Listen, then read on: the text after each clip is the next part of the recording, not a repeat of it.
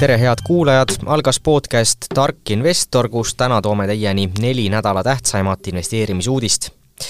mis meil siis kavas on? börside uued rekordid ja teisalt Hiina börsi uued põhjad. kokkuvõte senisest tulemuste hooajast lühidalt äh, makromajandusest ja Euroopa Keskpanga otsustest ning lõppu investeerimisfondi Plurali neljasaja miljoni eurosest raha kaasamisest ja lõppu veel ka paar lühiuudist. mina olen Kaspar Viira ning koos minuga on stuudios Priit Pokk. Lähme aga esimese teema juurde ja räägime lühidalt börside uutest rekorditest jah, kui vaadata siin äh, läänemaailma bör-, börse, siis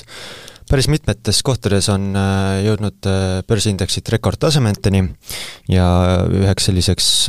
kõige enam jälgitavaks indeksiks on muidugi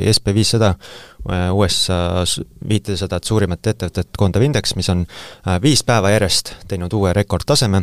Äh, see tõus ei ole küll olnud väga suur, et siin äh, tasapisi kerkib ja kerkib, aasta algusest on kolm koma kaks protsenti kerkinud, pole veel murdnud läbi siin viie tuhande punkti piiri, siin noh, reede pärastlõunase seisuga, aga läheneb sellele jõudsalt. ja samamoodi on ka Euroopas isegi tegelikult üsnagi hea seis et äh, näiteks äh, Euroopa tähtsama majanduse äh, Saksamaa siis börsiindeks DAX on uue, uu-, uusi rekordtasemeid püstitamas, täna samuti on jõudnud uuele rekordile ka Prantsuse börsiindeks kaks, kaks nelikümmend, kus siis see, ning seda just eelkõige tänu luksuskaupade tootja LVMH suurele tõusule, mis täna on toimunud pluss kaksteist protsenti, see on siis pärast tulemusi.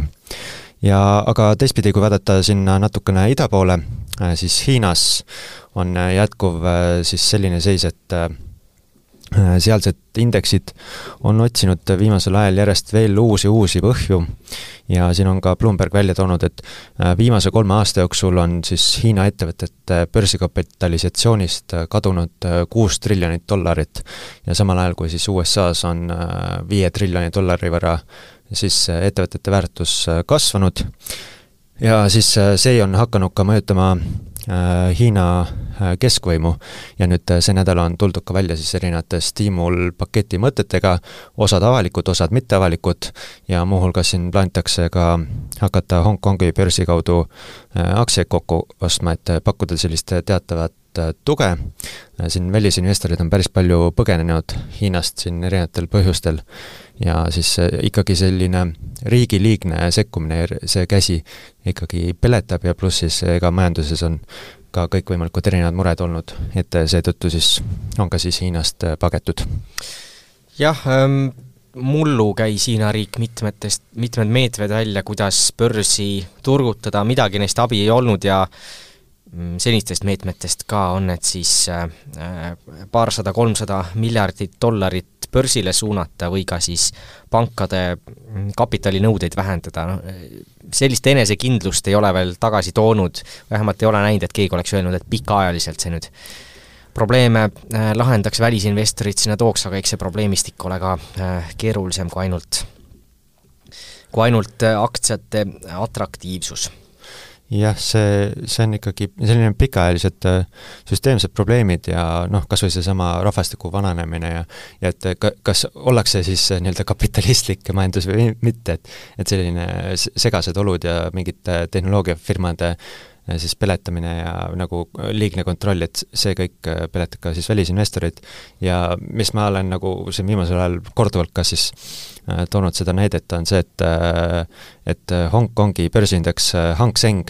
on, kaupleb seal, kaupleb seal kuueteist tuhande punkti juures ja kuueteist tuhande punkti juures oli ka Hang Seng tuhande üheksasaja üheksakümne seitsmendal aastal, ehk siis kakskümmend seitse aastat tagasi. ehk siis see näitab seda, et mis seis seal on pilt paistab keeruline ja must, siin tasub meenutada ka paari aasta tagust olukorda, mil Hiina äh, majandust, äh, sealset kapitaliturge nähti väga atraktiivsena ja kohana, kuhu enda raha panna, nüüd jookseb see sealt välja.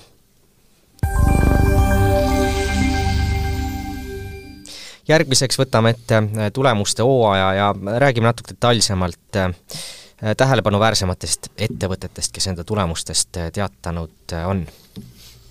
jaa, esmalt peatuks siis elektriautode tootja Tesla tulemustel ja mis siin on, vaatab vastu, on see, et ähm, kas ettevõte jätkuvalt kasvab küll kiiresti, aga see kasv on siin äh, pidurdunud päris oluliselt siin aasta lõpus, et äh, kui äh, neljanda kvartali müügitulu oli, tulu oli kakskümmend viis koma kaks miljardit dollarit, siis seda oli kõigest kolm protsenti rohkem kui aasta varem. aasta tervikpildis oli seis parem, et seal oli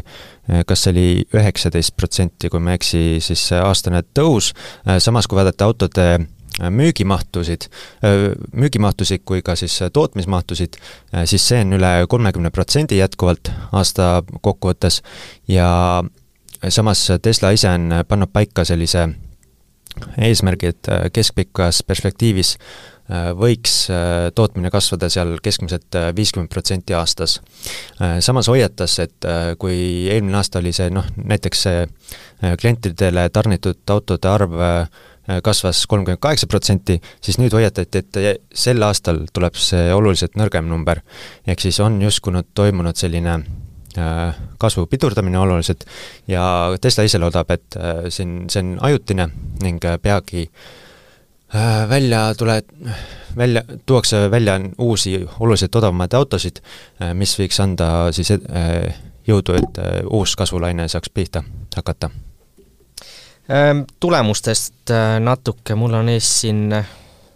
Porteri rakendus ja tuuakse siin välja, et käive, mida Tesla teenis viimases kvartalis kakskümmend viis koma kaks miljardit dollarit, jäi oodatule ligi kaks protsenti alla, EBITDA samuti ligi kuus protsenti ootustele alla ja aktsia kohta teenitud kasum, mida teeniti null koma seitsekümmend üks dollarit, jäi samuti ligi nelja protsendiga äh, ootustele alla. Ja tähtsam on pigem isegi see, mitte ainult see nii-öelda praegune tulemused, vaid ettevaade just, et et on selline ka, äh, et nähakse sellist müügi nõrgenemist ja mida on ka muidu näha, on see, et sama autode hinnad on oluliselt äh, kukkunud. jah, vahepeal tuli ka uudis, on ju, et äh, Hiina tootja BYD ähm, on nendest oli need müügimahud või mm? -hmm. müügimahtude poolest mööda läinud eelmine aasta oli neil mitmeid hinnalangetusi ja see aasta äh, samuti järjekordne hinnalangetus ja mul on siin ees ka Wall Street Journali tänane artikkel, mis räägib sellest, et siis nii-öelda Magnificent Seven või kuidas seda nüüd eesti keelde tõlke tegi? ma olen ise tõlkinud, maagiline seitsmik. maagiline seitsmik või fanti-, fantastiline ja. seitsmik, mis on siis äh, Google'i emafirma Alphabet, Amazon, Apple, Meta, Microsoft ja Nvidia, nendele lisaks ka Tesla, äh, kui Tesla sealt välja jätta, teised on kerkinud äh, jaanuaris keskmiselt üheksa koma neli protsenti, siis Tesla on neist ainus, äh, mis langenud äh, on. ja mitte vähe, vaid eile langes kaksteist protsenti ja aasta algusest miinus kakskümmend kuus koma viis protsenti. et äh, siin on äh,, aktsia hinnas peegeldub see, see, see pessimism, mis vastu vaatab. aga Tesla ise koos sealhulgas, hulgas ka siis Elon Muskiga on tuleviku osas optimistlikult meelestatud, Eh, meil on selle kohta ka mängida ette üks äh, lõik, äh, kus siis ähm, Tesla juht Elon Musk vastab äh, siis investorit, ühe investori küsimusele Given uh, that you moved the start of the next generation compact vehicle production to Austin, has the timeline improved so that we might see the next generation platform vehicles in 2025? I, I mean, I would, I would, certainly say say things with uh, that should be taken with a grain of salt, since I'm often optimistic you know, I don't want to blow your minds, but I'm often optimistic regarding time. But our current schedule says that we will start production towards the end of 2025, so sometime in the second half. That's just what our current schedule says. That there's a lot of a lot of new technology, like a tremendous amount of new revolutionary manufacturing technology here. The reason uh, I wanted to put the this this new um, revolutionary manufacturing line uh, at Giga uh, Texas was because we really need the engineers to be living on the line. This is not this is not sort of a off the shelf, you know, just just works type of thing.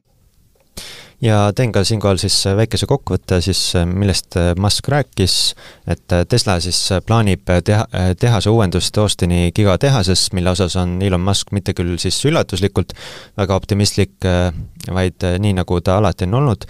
ja nimelt loodab Musk ja Tesla, Tesla, et uus siis tootmistehnoloogia on revolutsiooniline, mis tooks kulud märkimisväärselt alla ning võimaldaks tuua turule oluliselt soodsama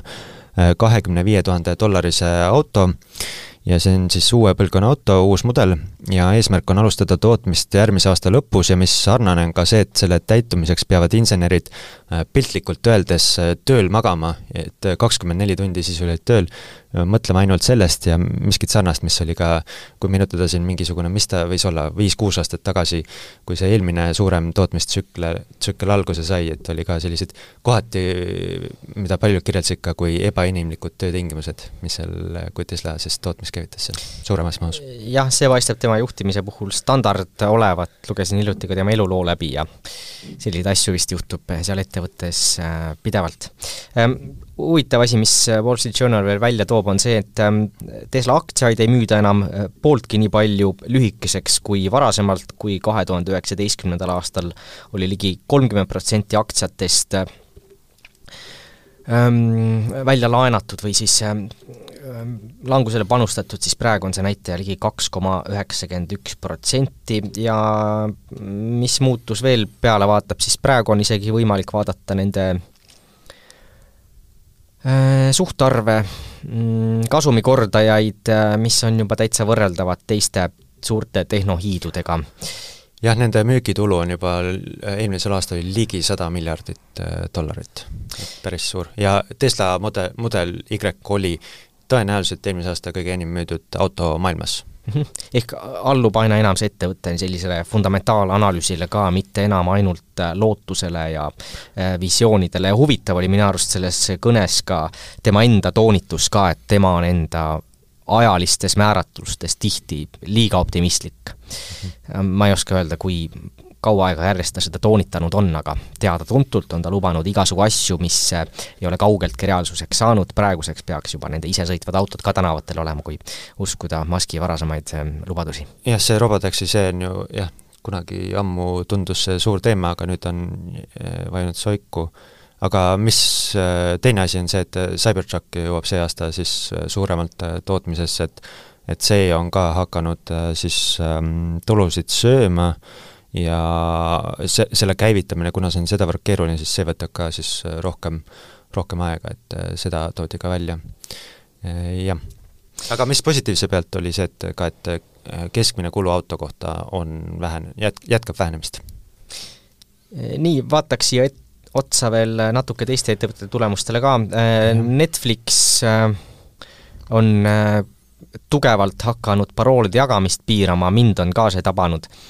ma küll ei ole äh, viitsinud seepeale uut kontot teha, aga saan aru, et päris paljud on. Äh, jah, et äh, Netflixil oli selline natukene keerulisem periood siin umbes poolteist aastat tagasi, et et kui vaadata Netflixi aktsiagraafikut, siis see on väga dramaatiline, et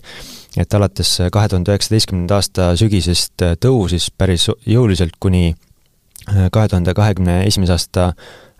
novembrini ja siis kukkus väga radikaalselt, et seal ligi seitsmesaja dol-, seitsmesaja dollari pealt äh, kukkus saja üheksakümne dollarini äh, kõigest seal mõne kuuga. ja nüüd on saanud uue hoo sisse ja neid põhjuseid on erinevaid, et on Netflix otsib selliseid uusi tuluallikaid, üks asi on seesama paroolide jagamise vahelevõtmine, teine asi on see, et paljudel turgudel on välja tuldud reklaamipaketiga, kus on siis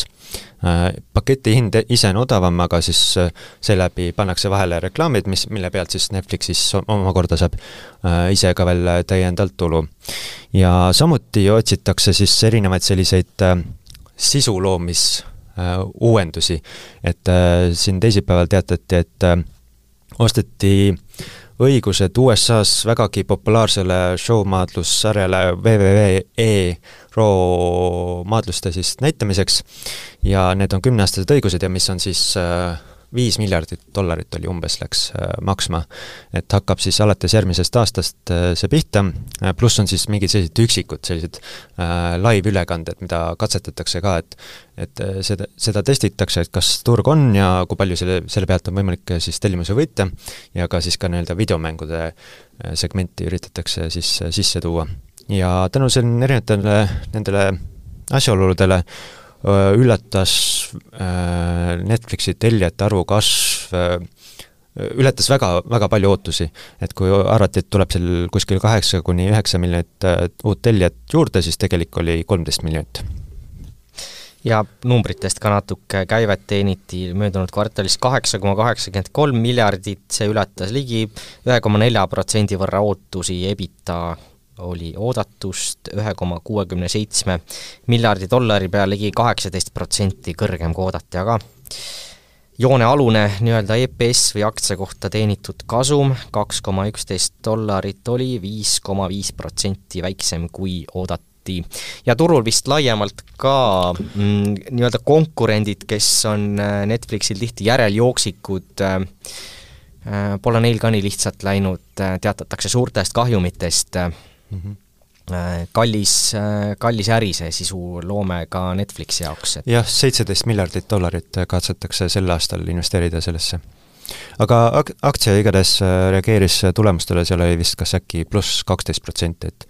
et see selline põhjast on tõusnud aktsia ligi kolmekordseks taaskord ja noh, ei ole päris selline kaks tuhat kakskümmend üks lõputase, aga, aga on tasapisi sellele lähenemas mm. -hmm. Natuke sellest äh, ka veel, et äh, Rootsi pank Swedbank, Eesti haru. Meil ka siin turul suurim pank on, nemad teatasid enda dividendi nädala Äh, alguse poole viisteist koma viisteist Rootsi krooni aktsia kohta, mis on mullusest viiskümmend viis protsenti kõrgem äh, dividendi tootluseks, teeb see äh,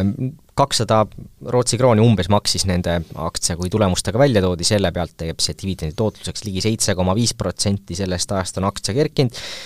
nii kõrget dividendi tootlust enam ei saa, aga peaaegu seitsme protsendi äh, ligiduses siiski on. panga netointressitulu kerkis neljandas kvartalis kakskümmend kaks protsenti, puhaskasum kerkis üheksateist protsenti jah, selline tubli seitsme-kaheksa-protsendine dividend ja iseasi see on küsimus see, et et kas üks hetk hakkab tekkima ka siis äh, laenude allahindlus või mitte, äh, suuremas mahus seni ei ole seda väga näha olnud. Aga tulemustest ma põgusalt peatuks veel ka äh, kiibitootjatel, et äh, siin on olnud teatav äh, vastandlik, vastandlik seis, et ähm, näiteks Taiwan'i kiibitootja DSMC avalikustas, et nemad näevad, et sel aastal läheb tegelikult paremini, kui seni arvati. ja see kergitas ka noh, lisa, lisaks siis DSMC enda aktsiale ka siis teisi kiibitootjate aktsiaid ja võtame näiteks siin ähm, sama USA Nvidia, siis aasta algusest on kerkinud ligi kakskümmend kaheksa protsenti. ja, ja seis on selline paljulubav ja kes on äh, nii-öelda äh, DSMC peamiseks äh, siis aparatuuride tarnijaks on ASML, Hollandi firma, ja see ker-, äh, see, see siis DSMC uudis kergitas ka siis ASML-i äh, aktsiahinda ja siis äh, ja ASML ise ka teatas siin tulemustest ja mis oli ka siis võrreldes ootustega, paistis seis parem, aga teistpidi Intel teatas eile tulemused ja nende ettevaade oli pessimistlikum, kui arvati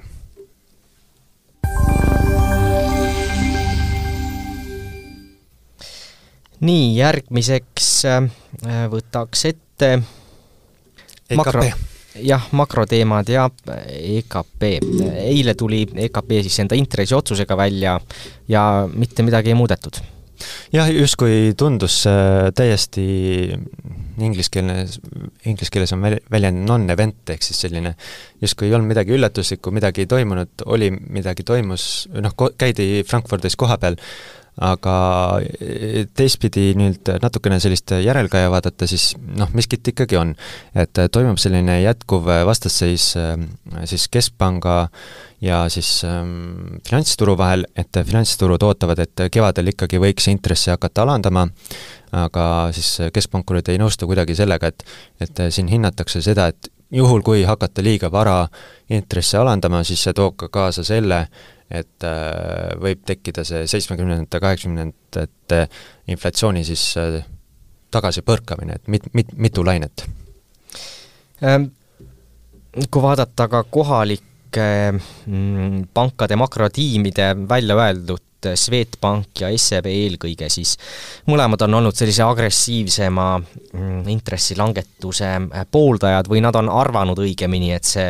intress langeb varasemalt, mõlemad on panustanud enne, et märtsis tuleb esimene intressilangetus, Swedbank on varasemalt oodanud, et äh, keskpanga intress langeb nelja protsendi pealt praegu aasta lõpuks kahe koma viie protsendini ja äh, ootavad isegi praegu ka seda. Äh, SEB seisukoht on mõneti sarnane, aga noh, nüüd mõlemad tõdevad ka seda, et märtsi langetus paistab aina ebatõenäolisem ja aprill on see nende järgmine panus, aga sellega nad ongi turul just sellise agressiivsema pooldaja Äh, agressiivsema sammu pooldajate seas, et äh, ja teistpidi Eesti Panga president Madis Müller jällegi äh, üritas jahutada jällegi neid ootusi, et tsiteerin teda, et Euroopa Keskpanga nõukogu seekordsel kohtus, kohtumisel otsustasime jätta Keskpanga intressimäärad samale tasemele, see oli ilmselt kõigile Keskpanga tegevust lähemalt jälgijatele ootuspärane ja sama on mõistlik eeldada veel mitmelt järgmiselt rahapoliitika istungilt noh, eks ta on nii-öelda ka kommunikatiivne tasand, aga meenutuseks, et jah, et järgmine istung on siis äh, märtsis, siis on aprillis ja siis on juuni alguses, ehk siis justkui indikeerivad, et märts-aprill kindlasti veel ei tule, aga noh, see juuni, kus on ka teada äh, rohkem siis andmeid näiteks äh, palgatõusude kohta, et ja kus võiks olla selgem pilt, et kas on see kaheprotsendine eesmärk täidetud või mitte, et siis võiks tulla see langetus. laiemalt, kui vaadata tänavust aastat, siis turgude ootusi ja eeldusi on suudetud ikkagi äh, kohandada, et need ei oleks enam nii agressiivsed, äh, kui vaadata ka puhtalt Euriboris, need on samuti kõrgemale liikunud, eriti suure tõusu on teinud kaheteistkümne kuu äh, Euribor ja mis mulle oli üllatav, oli Lagardi ütlus Davosis, kus ta tõi siis intressilangetusena välja suve, et siis see tõenäoliselt juhtub, varasemalt ei olnud ta isegi sõnades äh, valmis või nõus ütlema, et üldse mingitest intressilangetustest juttu on olnud jah, meil on ka ette mängida üks Christine Lagarde'i siis Euroopa Keskpanga presidendi äh, helilõik siis eilselt pressikonverentsil, kus ta siis võtab kokku seda, et mis võivad inflatsiooni ühte kui siis, kui siis ka teistpidi mõjutada. Upside risks to inflation include the heightened geopolitical tensions, especially in the Middle East which could push energy prices and freight costs higher in the near term and hamper global trade. Inflation could also turn out higher than anticipated if wage, wages increase by more than expected or profit margins prove more resilient. By contrast, inflation may surprise on the downside if monetary policy dampens demand by more than expected or if the economic environment in the rest of the world worsens unexpectedly. Moreover, inflation could decline more quickly in the near term if energy prices evolve in line with the recent downward shift in market expectations of the future path for oil and gas prices. Võtan ka kokku, mida siis Christine Lagarde siin rääkis. Ta rääkis siis seda, et inflatsiooni kiirenemise ohtudeks peetakse geopoliitiliseid pingeid, eriti Lähis-Idas, mis võib mõjutada energiahindu ja juba on mõjutanud logistikahindu ja siin toodi väga korduvalt ka välja seda äh, Punase merel toimuvat äh, konflikti ja siis äh, samuti hoitakse silm peal, kuidas mõjutavad palgatõusud hinnatõusu, see, need andmed peaksid tulema seal, kui ma ei eksi, siis kas täpsemalt mais, et erinevad siin streigid ja kõik muud kollektiivsed palgaläbirääkimised, see mõjutab ka inflatsiooni perspektiivi. ja teistpidi nähakse, et inflatsioon võib oodatust kiiremini alaneda, äh, kui nõudlus kahaneb majanduses rohkem kui oodatud või mujal maailmas äh, majanduse seis kehveneb. ja seda majanduse seisu kehvenemist äh, toodi ka veel ohuna mitu korda ka välja. Ja samuti nähakse, et inflatsioon võib kiiremini alaneda, kui energiahindade langus on selline, nagu praegu oodatakse, mis oli minu jaoks natukene ka üllatav. Aga mis ma tooksin veel siin keskpankade kontekstis välja, et äh, mind üllatas täna äh, Eesti Panga presidendi Madis Mülleri sõnul, et andis ettevõtetele eelhoiatus, et pange end kasvuks valmis. ja ma täpselt tsiteerin, et ent samal ajal on ka selge, et suures plaanis ei ole meil võimalik Eesti majandust üksi oma jõuga väga hoogsalt käima tõmmata, enne peaks paranema olukord ülejäänud Euroopas, misläbi tekib võimalus tellimuste kasvuks ka Eesti ettevõtete jaoks peamine on, et oleksime selleks hetkeks võimalikult hästi valmis Eesti jaoks olulistel eksporditurgudel konkureerima. ehk siis üks hetk, kui see majandus taas elavneb, siis Eesti ettevõtjad võiksid olla sellised äkki võitjad, kes suudavad siis nüüd uue kasvu ajal siis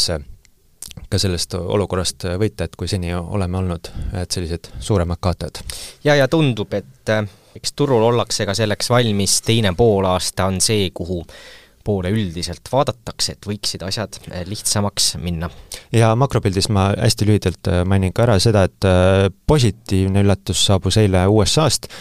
kus avaldati neljanda kvartali majanduskasvu number, Äh, ning see purustas kõiksugused ootused, et neljandas kvartalis kasvas USA majandus kolm koma kolm protsenti, oodati kaks protsenti ja aasta kokkuvõttes siis ähm, äh, tõusis USA majandus kolm koma üks protsenti. ja täna tuleb siis ka USA inflatsiooninäitaja detsembri kohta, mille, mida me hetkel veel ei tea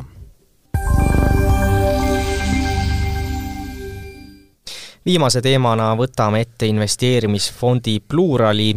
neljasaja miljoni eurose raha kaasamise, äh, mille poolest see märkimisväärne on. Esiteks see summa, mm, tegu pole küll Eestist kaasatud rahaga, peamiselt küll USA-st ja äh, laiemalt Euroopast, aga märgiline summa on ta ikka. Jah, mitte ainult äh, märgiline summa, vaid ka märgiline nii-öelda ettevõtmine, et et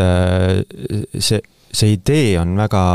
väga sümpaatne, et et äh, miks nad seda asja teevad, on äh, see, et USA-s tehnoloogiasektor on väga olulisel kohal. Euroopas see nii pole, et on väga palju siis äh, nii-öelda vana majanduse keskne ja nad üritavad seda muuta ja mis nad ise ka toovad välja, et, et tegelikult siin viimastel aastatel on Euroopa riskikapital äh,, siis riskikapitali seis siin äh, paranenud ja nad näevad siin äh, suuremat ka Äh, lootust, et, et see võiks äh, lähiaastatel veel järjest paraneda, äh, kui, kuigi see on pikema perspektiivi ettevõtmine, ja meil on natukene ka siin ette mängida üks samamoodi jällegi Sten Tamkivi, kes on siis Plurali üks partneritest, selgitus, miks on see just oluline Euroopas ikka Instagrami või Facebooki üritab suhteliselt halba teha. ja, ja see laine kuidagi läks USA läänekaldale. aga nüüd mulle tundub, et mis on, mis on selline avang Äh, ja kus, mis mängib väga tugevalt Euroopa tugevusele, on, on sellised hästi teaduspõhised asjad, just seesama, et kliimainvesteeringuid tehakse rohkem kui, kui äh, ma ei tea, fintech'i täna. et siis, äh, siis see tähendab seda, et Euroopas on väga tugevad ülikoolid, väga tugevates ülikoolides on, on kõvasti publitseeritud teadust, rahvusvahelised meeskonnad, sest üle maailma on tahetud käia Euroopa ülikoolides teadust tegemas ja, ja juhtumisi, kui sa nüüd hakkad leiutama uut tüüpi mingit akut või uut tüüpi mingit materjali või uut tüüpi mingit sünteetilise bioloogia asja. et siis selle jaoks nagu inimkapital on olemas ja mida seal on nagu vähem, on ettevõtte ehitamise kogemust. ja noh, see on näiteks üks asi, mida me suudame Bluewheeliga pakkuda, on see, et, et kui sa võtad seitse või kümme aastat äh, laborist väljas olnud ettevõtja teates tiimi, kes kõik on nagu teaduskraadiga, et siis nad noh, näiteks minu investeering viies Particalis Hollandis, et, et nad teavad inorgaanilisest keemiast elu lõpuni rohkem, kui mina kunagi teada saan, on ju. aga nad, see on nende esimene ettevõte, nad ei ole ühtegi varem teinud ehk siis, et selline järgmine, iga järgmise faasi, kuidas skaleerida seda, kuidas tõsta seda järgmist raundi, kuidas äh, teha turundust, kuidas palgata müügiinimesed, mis võiks olla Hiina ja USA müügistrateegia erinevus. et kõik need asjad on need, et kus ettevõtlustaustaga inimesed saavad tuua väga palju nagu teadmist ja abi lauale või õigeid kontakte, et see, ma arvan, on selline asi, kus Euroopas on viimase viie aastaga hästi tugevalt näha, et, et see sektor on õitsele puhkenud ja seda teadmist, kuidas selliseid ettevõtteid rahastada, on päris eh, hoogsalt juurde tulnud. see oli siis klipp eh, saatest Ettemõte, Delfi Ärilehe värske saade, soovitan kindlasti järele kuulata, aga Kaspar, sa ise vestlesid ka samal teemal Sten Tamkiviga, et mis sul nagu endal seal kõrvu jäi sellest? üks võib-olla see, et Sten Tamkivi ja Taavet Hindrikus on kaks viiest partnerist, kes siis ise neid investeeringuid otsivad, Tamkivi tõi ise välja, et mõneti erinev on vast teistest VC fondidest see, et nad lähevad enda isikliku rahaga ka siis investeeringutele kaasa, ehk kes iganes selle investeeringu teistele partneritele ette toob, ta peab olema ise valmis samadel tingimustel sinna isiklikult investeerima, et see ähm, on positiivne ka ettevõtetele, et kui seesama mm, fondi esindaja neil nõukogus istub, nad kohtuvad eh, kas igapäevaselt, iganädalaselt või igakuiselt, siis ettevõttel endal on ka juba teine suhtumine inimesesse, kelle puhul nad teavad, et ta on isiklikult ka enda raha sinna sisse pannud ja nii-öelda ähm, lihtsalt äh, ka silmad põlevad, et selle ja. investeeringut tehes, et see on ka, mida nad vaatavad. ja, ja oma, oma käsi mängus ja kuidas see ingliskeelne termin nüüd ongi, et skin in the game või? Äh, just, et eks see mõjutab äh, ka seda, kuidas nad tegutsevad ja sel samal teemal äkki see ka, et neid on mõjutanud turg läbi selle, et kui nad varasemalt lootsid, et kümme partnerit on neil juba koos, siis nii läinud ei ole, on viis, eelmisel aastal lisandus üks ja selle taga on ka see, et Exiti turg ähm, on maha jahtunud, inimesed, kellega nad veel paar aastat tagasi rääkisid ja mõte oli, et nad on juba praegu Pluraliga liitunud, siis äh, nüüd on neil jutud sellised, et äh, öeldakse nii, et oodake veel paar aastat, äh, kui saavad inimesed Exiti tehtud, siis saavad nendega liitutud. jah, mõte on siis see, et need ettevõtjad, kellel on juba kogemust mingite siis ma ei tea, tehnoloogiafirmade ülesehitamisel, saaksid lisaks ka oma nii-öelda rahale ehk siis finantseeringule aidata ka siis oma nõu ja jõuga, et ettevõtetel areneda. ja see võiks aidata siis ka nii-öelda Euroopat siis laiemas pildis äh, ikkagi majandust, majandust kasvatada, on see lühike mõte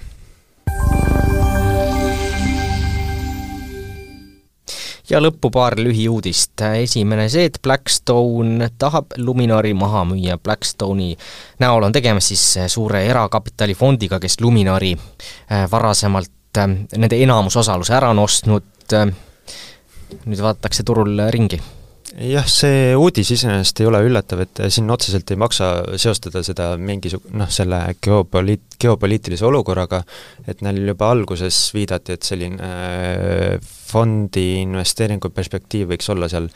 neli kuni seitse aastat. Ja algselt räägiti küll, äh, et Luminor võiks börsile minna ja algne plaan oli, et aastaks kaks tuhat kakskümmend kaks võiks äh, börsile jõuda, aga noh, siin vahepeal on toimunud sedavõrd palju sündmusi, et äh, need plaanid on äh, siin vahepeal muutunud ja iseasi, kas see ka siin õnnestuks, mis aga on selle juures veel see, et tegelikult ühtepidi nagu on hea aeg müümiseks, et pankadel läheb päris hästi ja kui vaadata Luminori ennast, et siis eelmine aasta esimese kolm, kolme kvartaliga Äh, teeniti äh, sada seitsekümmend kaheksa miljonit eurot äh, kasumit, et see seis paistab oluliselt parem kui siin mõned aastad tagasi, et kui noh, nii-öelda tavainimese perspektiivist tundub nagu natuke naljakas, et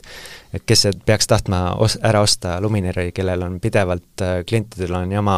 igasugu panka sisse logimisega ja kõik, kõikvõimalikke erinevaid probleeme, et kes peaks seda ära tahtma ostma, siis pank ikkagi suudab kasumit teenida, küll aga see pole alati olnud nii, sest et äh, kaks tuhat kakskümmend oli Luminori omakapitali tootlus oli noh, kui võrre-, võrrelduna teiste pankadega oli täiesti kohutav, seal oli kahe-kolme protsendi vahel, seal kaks tuhat kakskümmend üks oli see, kui ma õigesti mäletan, neli koma kuus protsenti, mis on ka jällegi võrreldes teiste pankadega oluliselt madalam. et äh, noh, on suudetud äh, nüüd, nüüdseks on see jõudnud ligi viieteist protsent, protsendini, et on suudetud siis seda natukene ümber pöörata ja üritavad siis nüüd seda edasi müüa.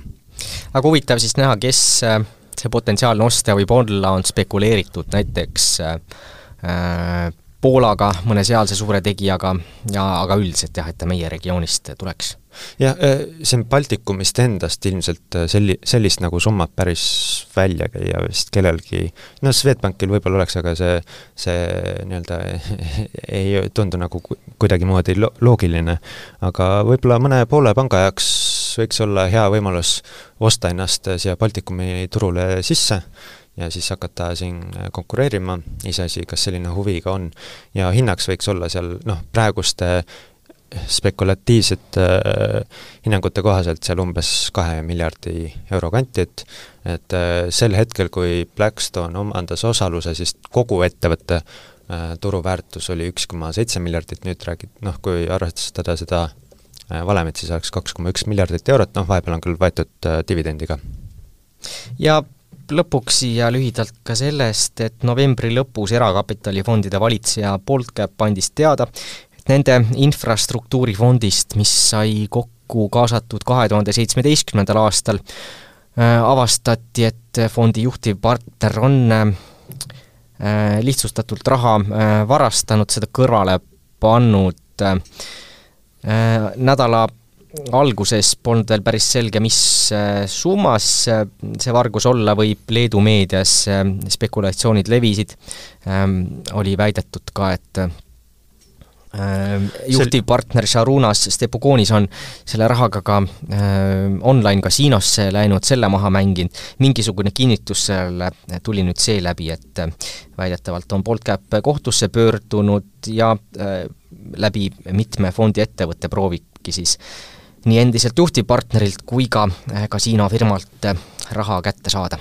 jah, mõte on siis see, et äh, justkui äh, no see on jällegi spekulatsioon kõik, et äh, justkui ei peetud kinni siis, ma ei tea, kuidas seda nimetada, hoolsuskohustusest. et kui näha, et inimesel on probleem, sõltuvus hasartmänguga ja mängib suuri summasid maha, et sellele ei pandud ette piiri jah, küsimus jah, siis eelkõige selles, et kuidas sai üks inimene nii suuri summasid kõrvale panna, ilma et sellest aru ei saadud ja paistab, et pensionifondide turult, turul on see päris äh, suuri võbelusi äh, tekitanud ja eks võib muuta ka seda, kuidas siin erakapitalifondide poole äh, vaadatakse, see saab olema kindlasti nüüd üks küsimus pensionifondide poolt, kui uusi investeeringuid tehakse, kuidas neil sellised riskid välistatud on, iseküsimus ka see, kuidas Boltcap siit edasi tegutseda saab, mainekahju on siit kindlasti tekkinud. aga siit tõmbame otsad kokku, mina olin Kaspar Viira, minuga koos oli stuudios Priit Pokk, soovime edukaid investeeringuid!